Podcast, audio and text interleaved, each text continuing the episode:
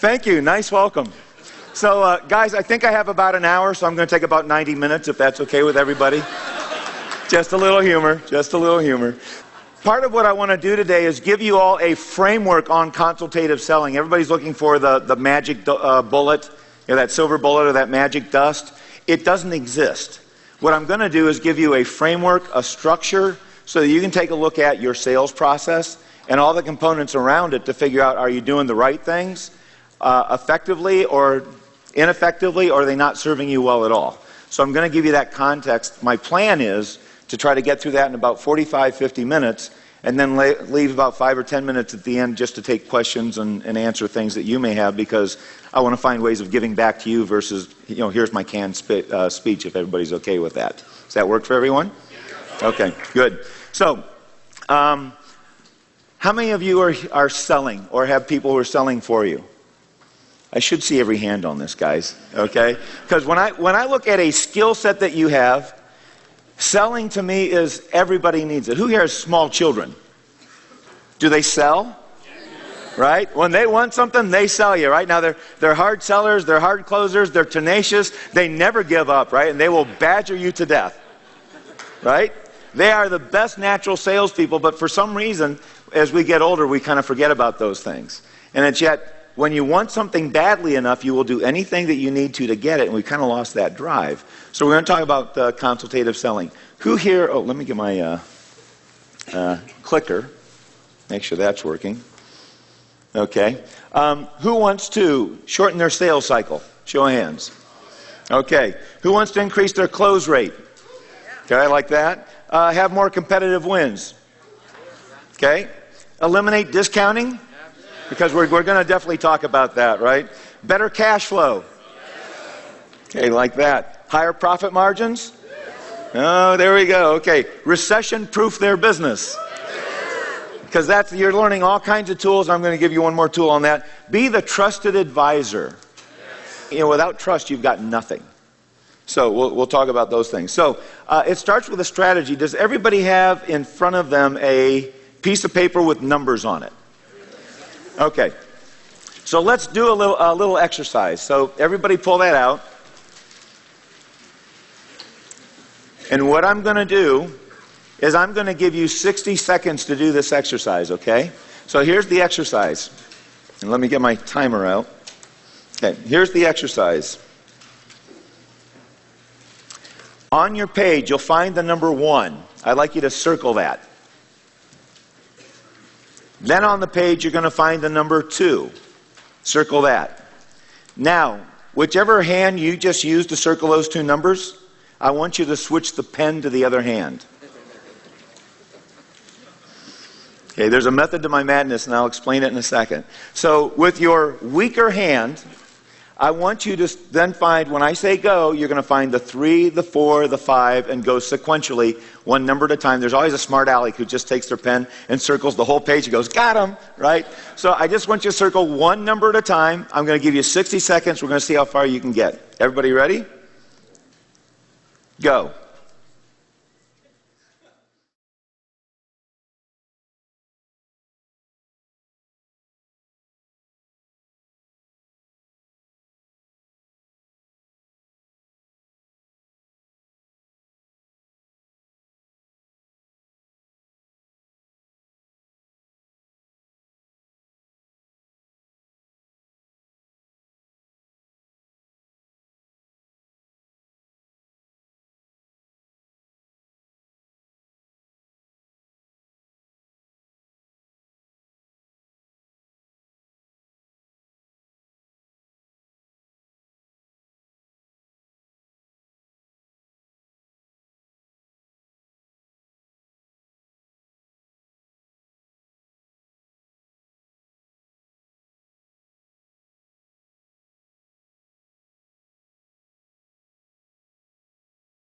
Ready, stop. Okay, down at the bottom of the page, I want you to write down the last number that you circled, whatever that highest number was. Everybody got it? Uh, two, nice. This is the advanced group up here in front, folks. Okay, now flip that paper over and you'll see the exact same set of numbers. Now, I'm going to give you a strategy, right? Uh, the last couple days we've been talking about strategy, right? What's a strategy? It's, it's planning, right? So I'm going to give you three possible strategies you can use on this page. So the first strategy is just do what you just did. Okay? Using the left hand, looking for numbers randomly, trying to figure it out. And it's a strategy, right? And it works, but it's probably not the most effective strategy. So I'm going to give you a second one. Down the center of the page, I want you to draw a line right down the middle. So you're dividing the numbers equally in half. So this is a second strategy. More effective than the first, by the way. Now, what you'll notice, bless you, what you'll notice is the one is on what side of the page? The left. And the two is where? And the three is? And the four is? Okay, so now you got a zigzag pattern, right? Little strategy, it'll, it'll make it a little more uh, faster for you. But let me give you a third strategy. Now take your pen and I want you to split the page in half. Uh, there you go, right across the page. Now you have four squares. Now where's the one? Where's the two? Where's the three? And the four? And where do you think the five's going to be? You guys are psychic. Really good. Okay? So there's a third strategy. Now, of those three strategies I gave you, which one do you think is most effective? Right. So we're going to do the exercise again. Okay, I'm going to give you one minute, same exercise. This time, however, I'm going to let you switch the pen to your dominant hand. Okay? And go.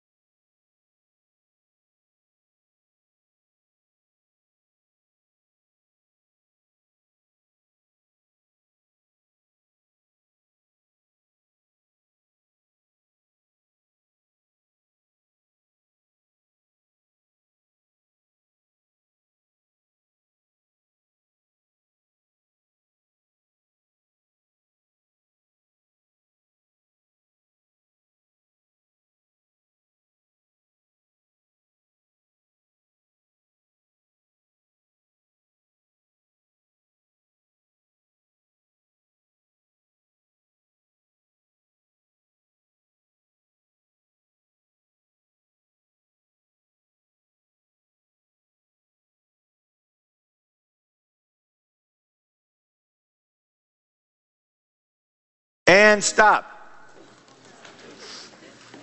How much farther did you get the, the, second time than the first? Well, first of all, did you get farther the second time than the first? You did. How much farther? I heard double. I heard three. Who said three times? Okay, three times. So you just, if this were business, you just did what? You just doubled or tripled your business with what? A strategy. Okay, now let's think about some other things because uh, I'm, I'm going to get into consultative selling. But so we had a strategy. What else did we have? You use your strength. Okay, what else? You had a pattern. Uh, let's call it a process, right? So you had a process. Also, Chet talked about the Dream 100, right? That's about a very focused approach. So you had some focus. What was that? I didn't hear catch that one. You use your strongest arm. Now, the strongest arm versus the weaker arm was what? How about training? How about skills? Right? Because your weaker arm, you don't use it as much, right? It doesn't have the, the fine motor skills, but the stronger arm. Now, how long would it take to train the weaker arm to match the stronger arm? An hour a week for a couple years? Okay, I don't know if anybody ever broke their arm and had to use the other hand for a while, right? How long did it take to get the, the other one conditioned? It hailed in six weeks, but it still wasn't where it needed to be. Well, penmanship wasn't the same, right? So if that's six weeks on just training a hand, what do you think is going to happen when you need to train your sales organization to be more effective? So what do we learn? Strategies. We learned process. We learned focus. We learned training. And I'm going to show you one other thing. Um, who got to 60? One? Anybody else got to 60? Okay, who got to 50? Nobody got, nobody got to 50. Who got to 40? Okay, because here's what I'm going to show you. The first one who got to, to 50 or above who comes up to the stage gets 100 bucks. But only if you want it. If you don't, you got you got to get here to get it. Now, you know, how badly do you want it? How quickly can you move? There you go. Oh, nice job. Okay, now, there's a 100 bucks for you, sir. Wow, okay. Thank you. nice, nice, nice. What did you just see there, guys? You saw drive, right? How badly do you want it? You saw incentive in action. A proper incentive will incentivate and, motivate people to do more, right? You also saw some obstacles. What were the obstacles? People in close, closer could get here faster than people in the back, right? But yet there's still a way to overcome it if you want to overcome it. How badly do you want it? Did you learn a little lesson from that? So that's my whole, that's my whole presentation in three minutes. Okay, now let me give, fill in some of the blanks for you. Okay, so a strategy, I'm not going to go into strategy. You've been hearing about strategy all week. We just did a little exercise on that. Most companies don't have a strategy. And the difference between no strategy and having one is the difference between the first part of the exercise and flipping your page over and doing the second. You doubled and tripled your business with just a strategy. Best strategies always win. We'll get into that. Focus.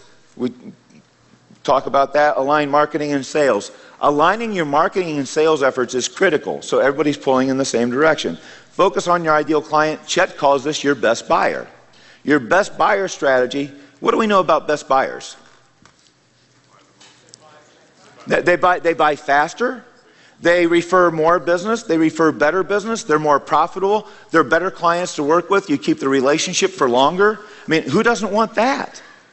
Okay? So, who are your best clients? And you may want to just kind of jot the notes, uh, notes down and just think about this later on tonight. But who are your best clients? What makes them such a great fit? Now, if I take that and I think about what makes my ideal client profile, because you might want to tweak it a little bit, don't confuse your biggest clients with your best clients. How many of you have like one company that gives you lots of money, but they treat you poorly?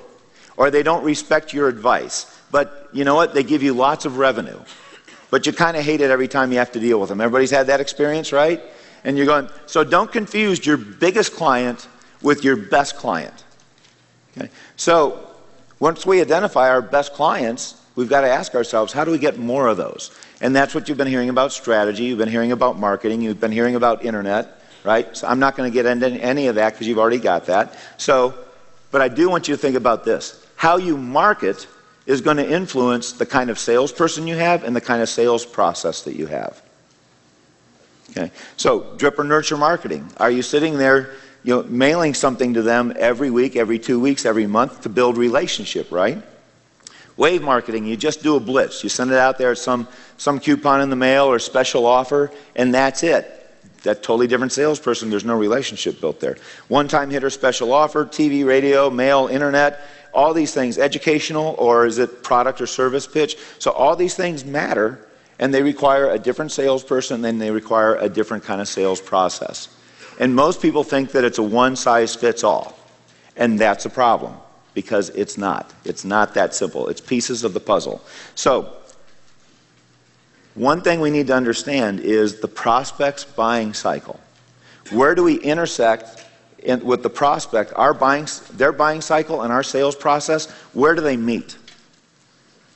And is there a mismatch? So let's take a little uh, closer look at their cycle. Neil Rackham wrote a book called Spin Selling and took a look at people's cycles, and he, he defined four of them. I'm going to put one more in there. No recognition of needs. They don't even know that they need it. Imagine trying to sell an iPod to a caveman right? They're not even ready to hear it. Now, we could try to educate them a little bit, but they might say to you, you know, I'm not interested in an iPod, but you don't happen to have a wheel, do you? Right? So, we want to get them things that they need, that they can use, that, that is appropriate. We may have to educate them on why this would be valuable for them, but an iPod versus where a caveman is in their, in their life is just too big of a gap. Everybody with me? Okay? Too big of a gap. So, some people you sell to do recognize they need something. They may not have taken action yet, but they recognize, hey, we got a problem, or I've got a certain place I want to be, a vision or a pleasure, and they're going, I want to do something about this. At least they recognize it. They're going to evaluate their options if it's important enough to them. What can I do? Some people want to do it themselves. Some people want to come to you. Some people will go to somebody else, but they're going to say, What can I do? And they may, they may do it, uh, like I said, do it themselves. That's okay. Selection of a solution. This is, again, the phases that they move through. So I do want to do something about it. What am I going to do? And then last is um, they're going to pick a vendor. A vendor solution, and you've got to recognize does my sales process match their sales, uh, their buying process? And I'll give you an example. Had a client years ago who did uh, Microsoft training, word processing, editorial type stuff, and they basically did catalogs. They sent out these catalogs to all kinds of companies throughout the metro area, and people would call in. Now, they had a, a small sales organization, and they were all trained in consultative selling. But here's the problem the people calling in were ready to buy. You don't need to call, consult to somebody who's read the catalog, knows what they want to order. They're calling in to just place their order, and the salespeople want to do what? Take them through a whole consultative process? So you see the disconnect? Consultative selling is a great thing to have, but if you're not using the right tool for the right job at the right time, it can do as much damage as, as it is help. So what we did with them is we took the salespeople off the phone. We took we, we just experimented for a day. Said let's just take one rep off the phone. Let's take an administrative a person. We'll put her on the phone. She knows the products. She can sign people up. And we just want her to ask one question: How can I help you? And they usually said, I'd like to sign up for a class. Okay, no problem. Yep, credit card. What class do you want? Boom, done. We tripled sales in that one day, just in that one move. Now, guess what? Salesforce was in the way. What would you do in that situation? Use them somewhere else. Exactly, use them somewhere else. And that's what we did. We, we got order takers and put them on the phone, and we took the salespeople who were very skilled and we turned them into outside account reps. And then we identified the Dream 100 to go after, and we had them going after those accounts. Now, be aware that be aware that when you switch and you change your strategy and you change your focus, not everybody's going to be able to make it. One person in 30 days quit. It's too much pressure for her. Another person did absolutely fantastic and went on closed, uh, it was like five accounts in the first month. They were thrilled. And the other two did mediocre. I mean, this, this is all just in the first month. So just be prepared for that. So taking a look at what you do and how you sell and the people you're selling to, are you intersecting or are you mismatching? Okay? Now, next thing I'd like you to understand is the psychology of the buyer. What drives them into action? And it's been alluded to a couple times this week, but what I'm looking for is do they have a compelling reason to make a change? Not a reason, but a compelling reason. What's compelling? Okay, any, anybody get a paper cut today? Yeah, pain's pretty compelling. So we're looking for things that are compelling, and I'll give you some examples of compelling pain, fear, or pleasure. All compelling to some degree. Pain is the most compelling. The brain is literally hardwired a hundred times more for avoidance of pain than seeking pleasure. Did you know that? A hundred times more. Now, don't get me wrong. This doesn't mean you should all go out and start trying to just deal with the pain, because a lot of people are very motivated to take things to a whole new level, and pleasure and vision, they'll take it to. Industries. What industry sells to pain? Meaning, I'm in trouble right now and I got to get out of it and I'm suffering. Lawyers, yes, lawyers do. Who else? Bail bondsmen, yeah, bail bondsmen do. Medication, absolutely. Doctors, absolutely. Who sells to fear? Insurance, exactly. You can't get the insurance after the event. So insurance sells to fear. Who else sells to fear? Securities? Okay. Yeah, house alarms, exactly. Uh, guard services, things like that. Who else sells to fear? Guns for, for protection? Exactly. I missed the one in the back. Congress, oh boy. Yeah, absolutely. And then who sells division? Who sells the pleasure? Tony Robbins? Viagra? Yeah, well, that may be a mix in there somewhere, okay? Uh, entertainment? travel and entertainment definitely sell to the pleasure, to the vision.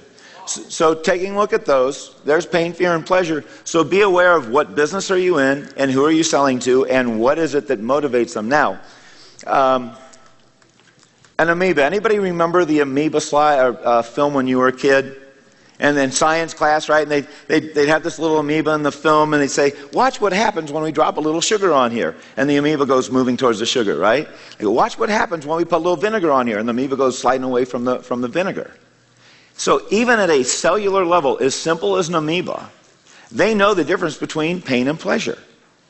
And to have anybody think that people are motivated by anything different is a bunch of hogwash. Now, they may give you different ways of saying it, but when you look at, the, at the, purely from a psychology point of view, it is pain, fear, and pleasure. That's what drives people. Who here has been to the emergency room?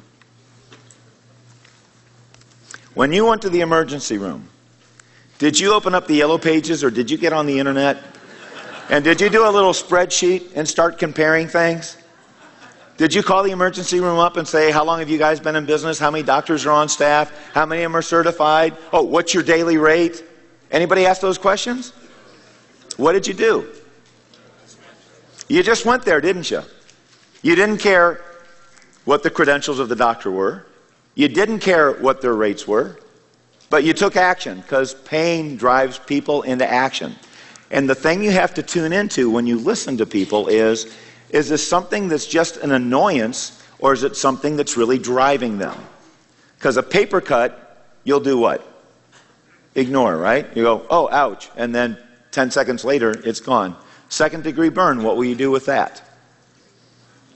Little ice, maybe an aloe vera plant, but the next day you forgot that it even happened. Break an arm, break a leg. Oh, I'll get to it tomorrow. I don't think so, right? That will drive you into action so compelling. I'll, I'll give you an example. And it's sometimes that other people's pain could compel you into action. Now, I, have got a neighbor, his name is Paul, that's his real name, so I hope that's on tape. Paul was getting ready to get married, and Paul's a little on the thrifty side, we'll say.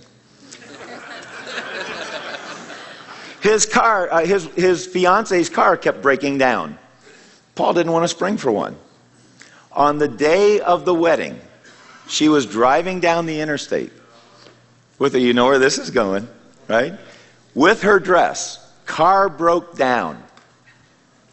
She jumps out of, pulls over the side, locks it up, jumps out with her wedding dress, sitting there jumping on the side of the interstate, right? Some lady pulls over, picks her up, takes her 45 minutes out of, out of her way. Yeah, uh, you know, there's a saint, right? Wedding happens. Guess what was sitting in their driveway before they left for their honeymoon the next day? did he have a compelling reason to change? You bet he did. So for a while, it wasn't compelling, but come honeymoon night, it was very compelling. So somebody's pain can motivate you into action if it's the right thing. Okay. There was a study done on CEOs on how they buy. Now, yeah, I, I, I, quote the study because it was of CEOs, but I think this is true with most people. You can tell me. How CEOs buy. This was a study, and the first thing they do is they go to the people they've been doing business with. Why? They trust them. They trust them, they know them, they know the quality of the work, and it's like, hey, we're a good fit. Why would you go somewhere else if you had somebody that you trusted? So that's the first uh, source they went to. If they didn't have somebody that they used, then they asked their network, their network of peers, friends, buddies, family. Hey, I'm looking to do this. Who, would, who, who have you used in the past? What was your experience like with them? And this is called a referral.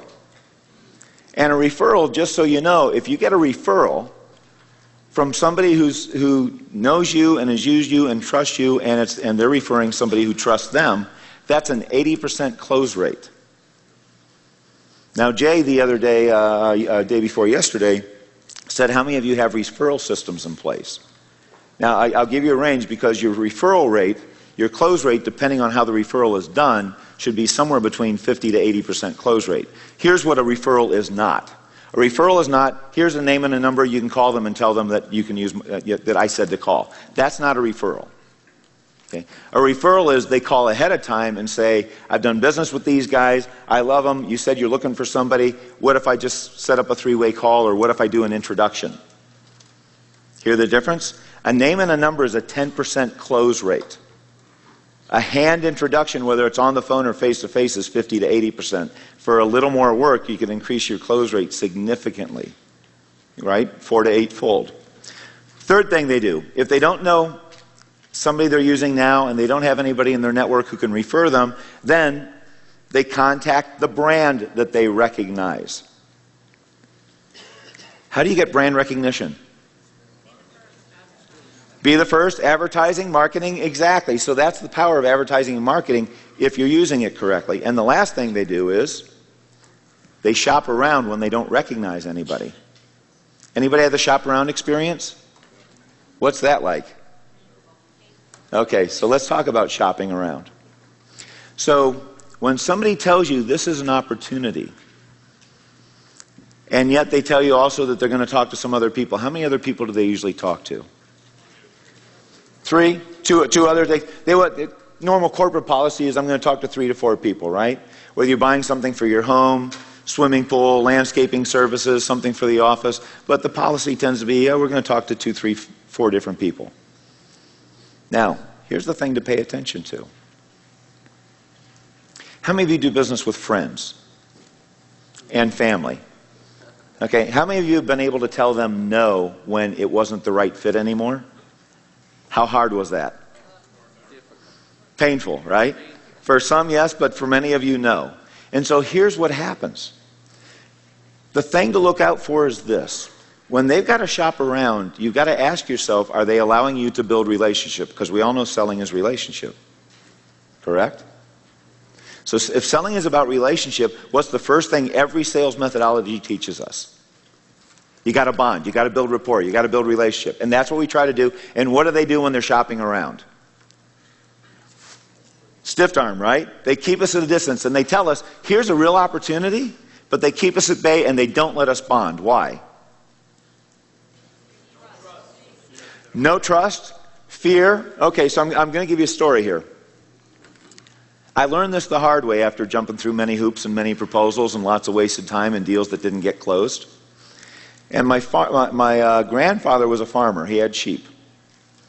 And sheep, if you know anything about sheep, when they, when they get pregnant and give birth, they only give birth to one lamb. But every now and then they'll have twins.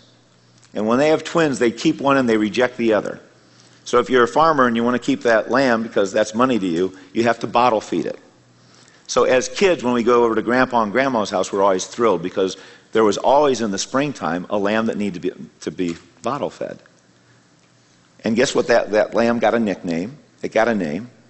Anybody want to take a wild guess? Lammy. He's pretty sophisticated. Okay. So the little lamb got a, got a name called Lammy, and we bottle fed it. And guess what happened every year when it's time to go to slaughter? Guess who didn't go? Lammy didn't go to slaughter. And what I started to realize is in competitive situations, when they're talking to three or four different sources, if you become their pet, you're getting the business, but if you're not the pet, and they're keeping you at arm's length, guess who's going to slaughter? You're not getting the deal, but you're putting hours into it, right? Lots of work. You're calling them, you're following up. They're not returning your phone calls, but they're telling you that you're still an opportunity. And what happens? Absolutely nothing. Now, what if they were honest with you? What if they said, We know who we're going to do business with, uh, but we still need two other uh, bids so we can go beat them up over price? Would you give us a proposal? Would you do it? No. So the game begins. Some might. So then there's some reasons to be made for it. So how CEOs, CEOs buy? So let's play a game. I'm not going to ask for a volunteer. I'm just going to ask you to, I'm going to change the game a little bit. Here's the game. If we had to describe the stereotype of a salesperson, what words would you give me? Pushy. What else? Tenacious. Tenacious. What else? Chatty. chatty. Yeah, chatty, talkative, drive me crazy. What else? Arrogant. Arrogant. Okay. Pig headed, okay. Excited? Confident. Confident. What else? Professional? Did I hear professional? Okay, maybe. Used car, definitely. What else? Did I hear snake oil? Did I hear polyester? I heard self indulging. Okay, now, for those of you have small kids, for most of the words that you heard described, is that what you want them to grow up to be? I want you to be a fast talking, self centered, arrogant, sleazy snake oil polyester used car salesperson. Is that what you want? But here's the challenge.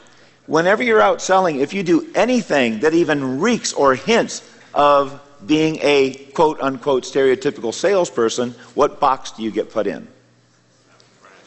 You get put in that stereotypical box. And what happens in the relationship from there on out? We're talking about trust, right? What happens to trust? Gone, out the window. You don't stand a chance, and now you're back into a bid situation. So, let's take another example MD, doctor. Stereotypical doctor. Somebody give me some uh, descriptions of a doctor. Good looking? Spoken from the doctor? Okay, what else? Knowledgeable, yes. Knowledgeable, educated, what else? What was that? I, can't, I didn't catch that one. Self serving? I heard self serving. Bad handwriting. Bad handwriting? Okay, but they are educated? Expensive? Are they confident? Are, are they a trusted advisor before you even walk in the door? Yes. How'd they do that? Education. School, right? So they, they've got some kind of designation that they've already earned the credibility and trust before you've even showed up. So which do you want your sales organization to be? The doctor or the stereotypical salesperson? Would you like to be the yard doctor, the window doctor, the nutritional doctor? I mean, you know, but, but that's what we're talking about. So we'll, we'll talk about how to do that. Okay. So here's one of the things I pay attention to. Consultative selling, in my mind, is helping people get what they want. Even if they don't recognize what they need, it's really about helping them get what they want. You know the expression uh, or the TV commercial or radio, uh, friends don't let friends drive drunk, right? But yet, when you look at what you sell or what you offer, what you provide, how many times do you let a prospect or a client buy the wrong thing? And so I take that commercial and I go, well, if I wouldn't let my friends drive drunk, or I wouldn't let my friends buy the wrong thing, then why wouldn't I let my prospects, why wouldn't I hold the same standard there? Why do I let them do things that are against their best interest because I just want to make the sale? Or because I don't want to butt heads a little bit, right? Oh, this is what they want. Okay, sell it to them, boom. But what happens when you sell them the wrong thing? Trust is lost because eventually you get found out, right? And then when you get found out, whatever profit you made on that deal, you're going to end up giving it back. Why? Because you're going to overservice them and try to make good on it or refund it, and you're going, why didn't I just do the right thing in the first place? So I take a look at a sales call, and when I walk in, I pay attention to whether it's on the phone or face to face, how do they treat me from the very beginning? Who plays poker? I know here we are in Vegas, you know, gambling all over the place. And when you play poker, do you show everybody your hand? You, you keep it back, right? You keep it reserved. Now imagine if we, if we played poker or did a sales call in a doctor's office. Well, I'll just give you the example. So I walk in the doctor's office, and he or she is not the trusted advisor in my mind. And I think it's a sales call. So I walk in, I'm the patient, and the doctor goes, But what does the doctor do when you go in? They ask you, Yeah, what's the problem, right? And then you just start telling them. Now, what happens? They go, What's the problem? I'm not going to tell you. Yeah, I'm not going to tell you. And then he, he asks a couple questions. I go, okay, okay, I'll tell you. My back hurts. And not only does my back hurt, but I've decided I want back surgery. And I want back surgery by next Monday, and I'm going to talk to three other doctors, and I'm going to take the lowest bid. That's what happens, isn't it? So, what I'm going to encourage you to do is have the mindset of being a doctor. Now, you've probably heard this analogy before, but there's a difference between uh, living it and understanding it. So, that's what happens if sales calls were done, if the doctor acted like a salesperson. Here's the flip side of that. The doctor acting as a salesperson, you walk in, you say, My back hurts, and what does he or she do? They pull out a flip chart, right? And then they start giving you all these examples. Oh, oh, your back hurts. Tell, tell you what. Let me explain about the back a little bit. And oh, by the way, we got a special going on. And if you sign up today, we got 30% off on back surgery if you get it done by Friday. And we'll throw in the Ginsu knives that we use to operate on your back. Okay? But yet, that's what happens in sales calls every day. Does everybody follow? Is it true? Am I being harsh here? Okay? So that's what happens. Now, what I'm going to encourage you to do is be the doctor, but it doesn't necessarily come easily. So, playing poker, doctor's office. So here's three components of the consultative sell. And I'm just going to give you the three elements. We're assuming relationship, some kind of relationship is already built. Okay, so I'm not even going to spend time on relationship. We all know we need to build relationship. So here's three components. First component is there's some kind of presentation, not necessarily in this order, but it's one of the components. The second thing is, come on, qualifying. There's some kind of qualifying. Some of you have to do a lot of qualifying. Some of you like qualifying depending on the, the sophistication and number of people involved in your process. And there's a close. By the way, everybody wants to know how to close better. Do you know if you got to close, you've missed something on the front end because the close should be a nice, easy, natural flow and a foregone conclusion? So if you're having the hard close, you're doing something wrong on the front end. You're making it way too much work. So here's three components. Now, not all selling is the same. I'm gonna. There was a study done, which I'll show you here in a second. Three competitors, all doing consultative selling. Can everybody see the screen? Okay. Okay, so three uh, competitors all doing consultative selling. However, the first company, column one, four month sales cycle, 90% close rate. They were all selling the same thing, uh, uh, complex sell, multiple people involved, large dollar items. So, four month sales cycle. The second company had a eight month sales cycle and a 60% close rate. So, twice the time and a, third less the closing. And the third company had a 14 month sales cycle and 2% close rate. Which one would you prefer to be? Right? Number one. So let's take a look at what the difference was.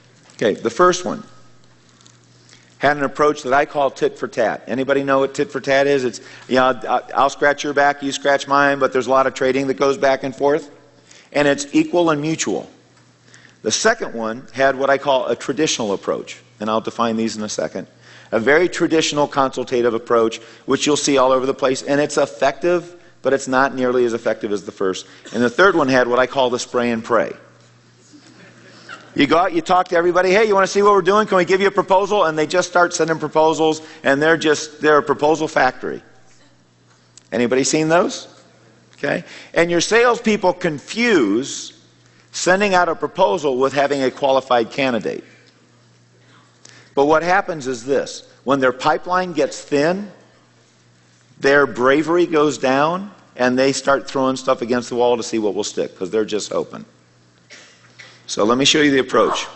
The tit for tat approach took a qualify, close, and present in those three sequences. They qualified first, they closed second, and then they presented. Now, the close in this case is, called, is really, you might call it a pre close. It's a pre close. But it's, hey, if we can find out all your requirements and we can meet those and we can show you that we can do exactly what you need, is there any reason why you wouldn't buy from us?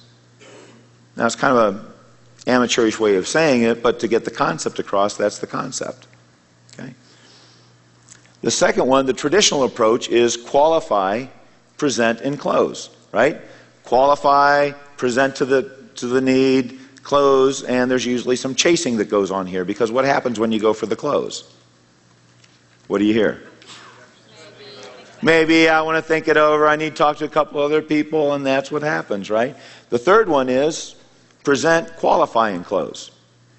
Present everything that you can demos, trials, test drives, price quotes, proposals, and hope that it sticks. And then you chase and chase and chase, trying to qualify them. Hey, what do we do? Let's do some business. And then you, you go to close, and that's just really frustrating. Now, don't get me wrong, that works when you got a brand new startup business and you need to go talk to everybody in the world, it's a good way to canvas and get started, but you'll quickly go from that into the tra- traditional one. And as you get even better, you'll go from that to the tit for tat when you get way too busy or your resources start to get stressed. And you'll find that's a, that is the most effective way of working. So, why the tit for tat approach from my perspective? 45% uh, or 45 times higher close rate, three times faster. Who'd like faster and more, more closes and faster, right? Okay. 60 professional buyers that I, that I showed the models to all preferred this model. When I say professional buyers, 20 years of professional buying experience for corporations from everything from pencils to buildings to computers and all the stuff in between. They all said they liked this approach better. That's from the buyer. Why? Because it didn't waste their time. It was mutual agreement every step along the way, and they really appreciated that. That to them was professional. By the way, the other thing they told me is over the last 20 years, they've noticed a decline in the professionalism of salespeople. They said they're not as knowledgeable as they used to be, and their skills aren't what they used to be. In 20 years, there's been a decline. Okay? This approach eliminates negotiating and discounting because it does all the hard work on the front end. You've eliminated competition, you found out what their requirements were. Uh, if you're not a good fit, you've weeded yourself out now before you've gone too far, but it eliminates negotiation qualification. And um, there was a two year study done of game theorists, mathematicians, uh, strategists, and what they determined in a situation that's competitive, this is the only way to win. So, anybody play tic tac toe as a kid? You still play it. Good. I like that. Yeah, I need to get back in touch with that side, right? So, how do you win tic tac toe? Don't play. Well, that's why you, know, you, well you can't win. You just don't lose, right? How do you win tic tac toe? You have to go first, right? What happens if you go second? Yeah, yeah, yeah. The best you can do as second place is is tie unless they royally mess up. Right? So when I say tit for tat, it's really you're playing tic tac toe. And it's the most effective way to work, especially in a competitive situation. So here's what the study didn't tell you. Company one used a strategy, and they had market data. And Chet, a couple of times, has mentioned that market data is way more powerful than product information to become the trusted advisor. By the way, that company was called, for some of you may know it, some of you may not, uh, EDS or Electronic Data Systems. Okay? Company two had the strongest brand recognition. Remember? Eight month sales cycle, 60% close rate instead of four month and 90%? That company was called IBM. The third company just went out and did a bunch of low bids threw it out there, chasing deals like a dog chasing a stick. I mean, I, I got this visual and I'm going, you're like, here, salesperson, come here, come here. Okay, okay, here's, see this stick, see this proposal? Okay, ready? Go get it.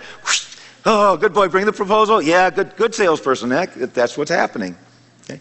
This company was called Ernst & Young. Surprising? Surprising? Okay. All brand recognition but they each one had a totally different approach in how they did this and way more effective. Okay. The cost of discounting. Tony the other day talked about seeing patterns in people, recognizing the patterns and changing things. One pattern that I see in all the salespeople that I've worked with is they all naturally just want to offer a discount without even having it asked for. I about fall on the floor every time I hear somebody go, Oh, and yeah, we can offer a discount. Now, have you ever sat down and really taken a look at the cost of discounting? Yeah, let's take a look at it because it's painful. So, here's what I want you to really get. If you have a 20% profit margin and your salesperson gives a 10% discount, is a 10% discount a reasonable discount, folks? Yeah, 10%, okay, 10%. Guess what happens? You've got to sell double the business to make the same profit dollars. Let, let me explain that again. Let's say you do a deal, and I'll just use some small numbers. You do a deal and you make $1,000 profit on that deal. But the salesperson then discounts it 10%. Okay? So now what happens is that profit is $500, not 1000 Now you've got to sell two deals. What just happened to your workload? The salespeople now have to go out and sell twice the amount for you to make the same amount of profit, what do you think happens in tough economic times? Everybody falls back to discounting. Why?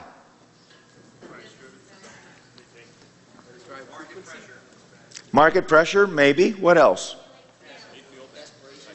Desperation, fear, absolutely fear. What else? They didn't establish themselves as a trusted advisor. They didn't educate the prospect or the client as to how to make decisions or, or buy things that are in their best interest to make them more effective.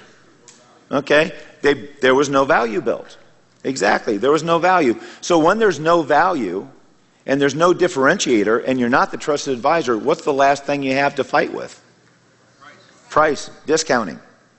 And it's a lack of sales skills and a lack of uh, value and a lack of being a trusted advisor, which, by the way, if you had a core story, the core story nips all this right in the bud, takes care of it. But this is what's killing you, and you don't even know it, and it's just one little thing your salesperson does they discount. Ouch. Anybody realize that? Okay, so let's go a little deeper. Strongest approach ever. Strategy, market data, focus, tit for tat gives you exponential results. Going out of business strategy, discounting, spray and pray, and you're done. By the way, the Ernst and Young division, uh, Ernst and Young division that did this study was Ernst and Young Consulting. They're out of business. Not pretty. Okay, so four, a salesperson to be really effective, they need the trusted advisor approach. That's what your marketing does, marketing done right. That's what your core story does, core story built properly gives them educational based marketing, puts them in a trusted advisor role from before they even begin. They need to focus on ideal clients so that they're effective. Proper activity and follow up. Chet talked about faxes, phone calls, emails, following up on everything. That is going to leverage uh, the salesperson's activity. Effective consultative sales process. I, showed, I just showed you three consultative sales processes, some more effective than others. Is the one you're using now giving you the maximum results? Okay. Proper mindset. Tony talked about state change. The thing I see with salespeople is the mindset, the state change. If they're in fear, it's hard for them to hold their margin. If they're in fear, it's hard for them to dig for the value. If they're living in fear, then it's hard for them to stay and fight and say, What's the value of this to you? And they default to, uh, to the spray and pray approach. They need to ask good, tough, thought provoking business questions and be able to listen because what happens when you ask a thought provoking question? You got to show that they got to think about it a little bit, right? Don't step on their thinking. And they need the ability to read four personality types because depending on the personality type, you have to adjust. If somebody's analytical, what can you anticipate they're going to need? Facts, figures, data, and lots of, lots of questions, lots of information. If they're a driver driver type and they make decisions quickly, and you tend to be analytical, what do you not want to do? You don't want to kill them with data. They just want, give me the five bullet points and let me make a decision. Okay? And the last thing is master the art of the takeaway. This is a skill. The skill to be able to take, take something away, I'm going to call it reverse selling. But the mindset is their job is to sell me, not me to sell them. My sisters would call it playing hard to get. Okay? Because you make them chase you, not you chase them. And if you've done the right marketing, you're in a much stronger position to be able to do that. That's also how you find the value. So, proper mindset focus on the client, not the order. Find, find ways of digging for the value. Only they can tell you what the value is. So, you've got to facilitate finding the value. Play doctor, not poker. Uh, facilitate, don't sell. I'm going to ask questions to facilitate, but it may, it may not be a deal at the end. Okay? Insist on an open conversation. Be, also insist on equal business stature. I've got to be an equal. If I don't start off as an equal, I'm done. So you've got to start off on equal footing. More proper mindset, let's play fair or not at all. Don't do bad deals or you're going to buy it back. They sell me, I don't sell them. And mutual degrees of commitment every step along the way, okay? And the last thing is access to the right people. If you're selling to couples and only the, one of the spouses shows up, that's a problem. If you're talking to somebody who's an influencer and not a decision maker, then guess what? You're going to get the wrong information. So, pros versus Joes. Okay, and I'm going to wrap up here. Um, who here uh, played sports in high school? Okay, anybody remember or, or did cheerleader or band or any of those things, right? Do you remember your favorite move? Your favorite music, your favorite dance routine, your favorite play, everybody remember that? And how long has that been? Don't answer that. Okay. How long has that been? Okay, so here's my question. If you can name that, can you name your sales process? Because for some of you, that was 10, 15, 20 years ago. I trained a group of people, I had two years of certification in the sales process. They could name their favorite football player, but after two years of certification, they couldn't even name their nine steps. Two years of training and certification. Ouch. Okay. Don't confuse longevity in a salesperson with experience. Just because they played pickup basketball for 20 years doesn't mean they're a professional basketball player, right? So somebody's been in business sailing for a long time, it doesn't mean they're necessarily that great. High performance sales rep, burning desire, roadmap to success, understanding the client's world, power of conviction and belief. How badly do they want it? I did a cold call on Bill Gates. I did a, uh, a cold call on Steve Case, who ran AOL. I did a cold walk in on Fred Smith. See, I had to get past three security checkpoints to do it. And I got into his office, cold, just cold walk in. How badly do you want it? Set proper expectations. Most sales managers don't. Ensure accountability and measurement keys. Um, harness the power of a sales process. Use coaching to build sales muscle. Most sales managers and VPs are not coaching their people, and they should be. IBM in 1980, you had to go through a year and a half of training and coaching before you could sell. Today, two weeks. And has anybody seen the TV show Pros versus Joes? Okay, where a professional athlete gets to go up against the amateur who's been you know, drinking the beer and being the mouthy guy goes, if I could go up against him, I'd just crush him, right? They get thrown around like rag dolls. So you take somebody who's gone through a year and a half of sales skills training and coaching versus somebody with two weeks, it's the pros versus Joes. You're going to get slaughtered. So if your salespeople don't have the skills and the processes, they're going to get killed. Okay, utilizing training to increase the team's effectiveness and replacing the weak salespeople with superstars. And Chet was talking about interviewing. So I'm supposed to wrap up. Can I take two or three questions? Yeah. Okay, we're gonna, I'm going to take some liberty. We'll take two or three questions. So what, what do you have? You mentioned four types, and I heard you say analytical and driver. Uh, the four, four, four personality types, there's, there's all kinds of different systems out there. I, I like DISC the most, but there's uh, analytical, uh, which is like the engineer. There's the influencer, who's kind of like the entertainer and the real people person. There's the um, steady relator, who's kind of like the, the office manager who gets along with everybody. And then there's the dominant, kind of like Tony, Chet, and me, and probably almost everybody else who's going to be up here on stage who would just take charge and make decisions in a flash. Uh, go ahead. Two questions. How do you start on equal footing with the client? And can you tell me the story about when you walked in on Fred Smith? What did you say exactly, and how did the meeting go? Well, uh, as security was dragging me out the door, okay, um, how do you start off on equal footing? You insist on it. That's how you do it. You, you insist on equal footing. If, if you walk in and somebody's not treating you as an equal, uh, and I'll tell you exactly how I did it. Uh, when I'm in a meeting and somebody's not treating me the same, I go, listen, there's two ways we can do this meeting. You can view me as a doctor, or you can view me as a poker player. If, it's, if we're going to play poker, we're going to keep our cards like this. We're going to have a meeting that's going to be arm wrestling and wasting time. It's not productive. And if that's what you want, let's just stop the meeting. Or I can be the doctor. You can tell me what's going wrong. I'll do a diagnosis. I can tell you if I can help. I'll lay out some options that I think in your best interest. We'll create it together, and then we'll decide on something. Or we may decide not to do business together, but at least it'll be an open and honest conversation, and you'll know what you need to do. So, which way do you want to play? And if they say, I want to play poker, then it's your right to say, no, thank you, and walk away. But you have to insist on it. If you don't insist on equality, they're not going to give it to you. Uh, with Fred Smith, uh, I, I, got about two sentences with him, and then security carted, carted me out the door.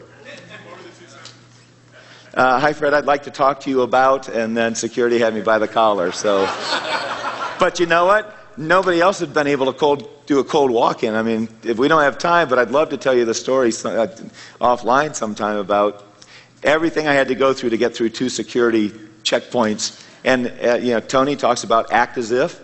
I acted like I belonged there and had a meeting with him. That's how I got in. Okay, uh, two more questions. Yours, go ahead. The successful company uh, qualify, close, and present. Yes. Then we've been taught why keep selling after you close. So why do you need to present after you close? Uh, you, you, you're closing that they're going to make a decision once they've seen what you have. It's a pre-close. Pre-close, okay. It's a, it's a pre-close. In other words, if, if I can give you everything that you said you wanted, exactly the way that you wanted it, why wouldn't they buy from you? Right? But if they say, no, I'm not going to buy, something's wrong. Right? You're, you're, you're the dog chasing the stick because you're not getting that deal, or the lamb going to slaughter. Okay? Do we have one question over here? The uh, process for consultant, consultative selling, are you referring to something like a Sandler approach, where you take them to a whole, where you close the doors as you go through the process? Um, that is one model. I mean, there's there's lots of models like that. The key is this: you've got see, everybody's looking for, hey, I'll go out and get this model. That's not the way it works. That model is a framework. You've got to then take a look at your buyers, um, and you got to start then customizing things, right? So it's what are the steps that I have to go through? What are the questions that I need to go uh, know? How do they earn the right to move forward? Okay, so that model or similar model works. Okay, okay. Thanks, guys.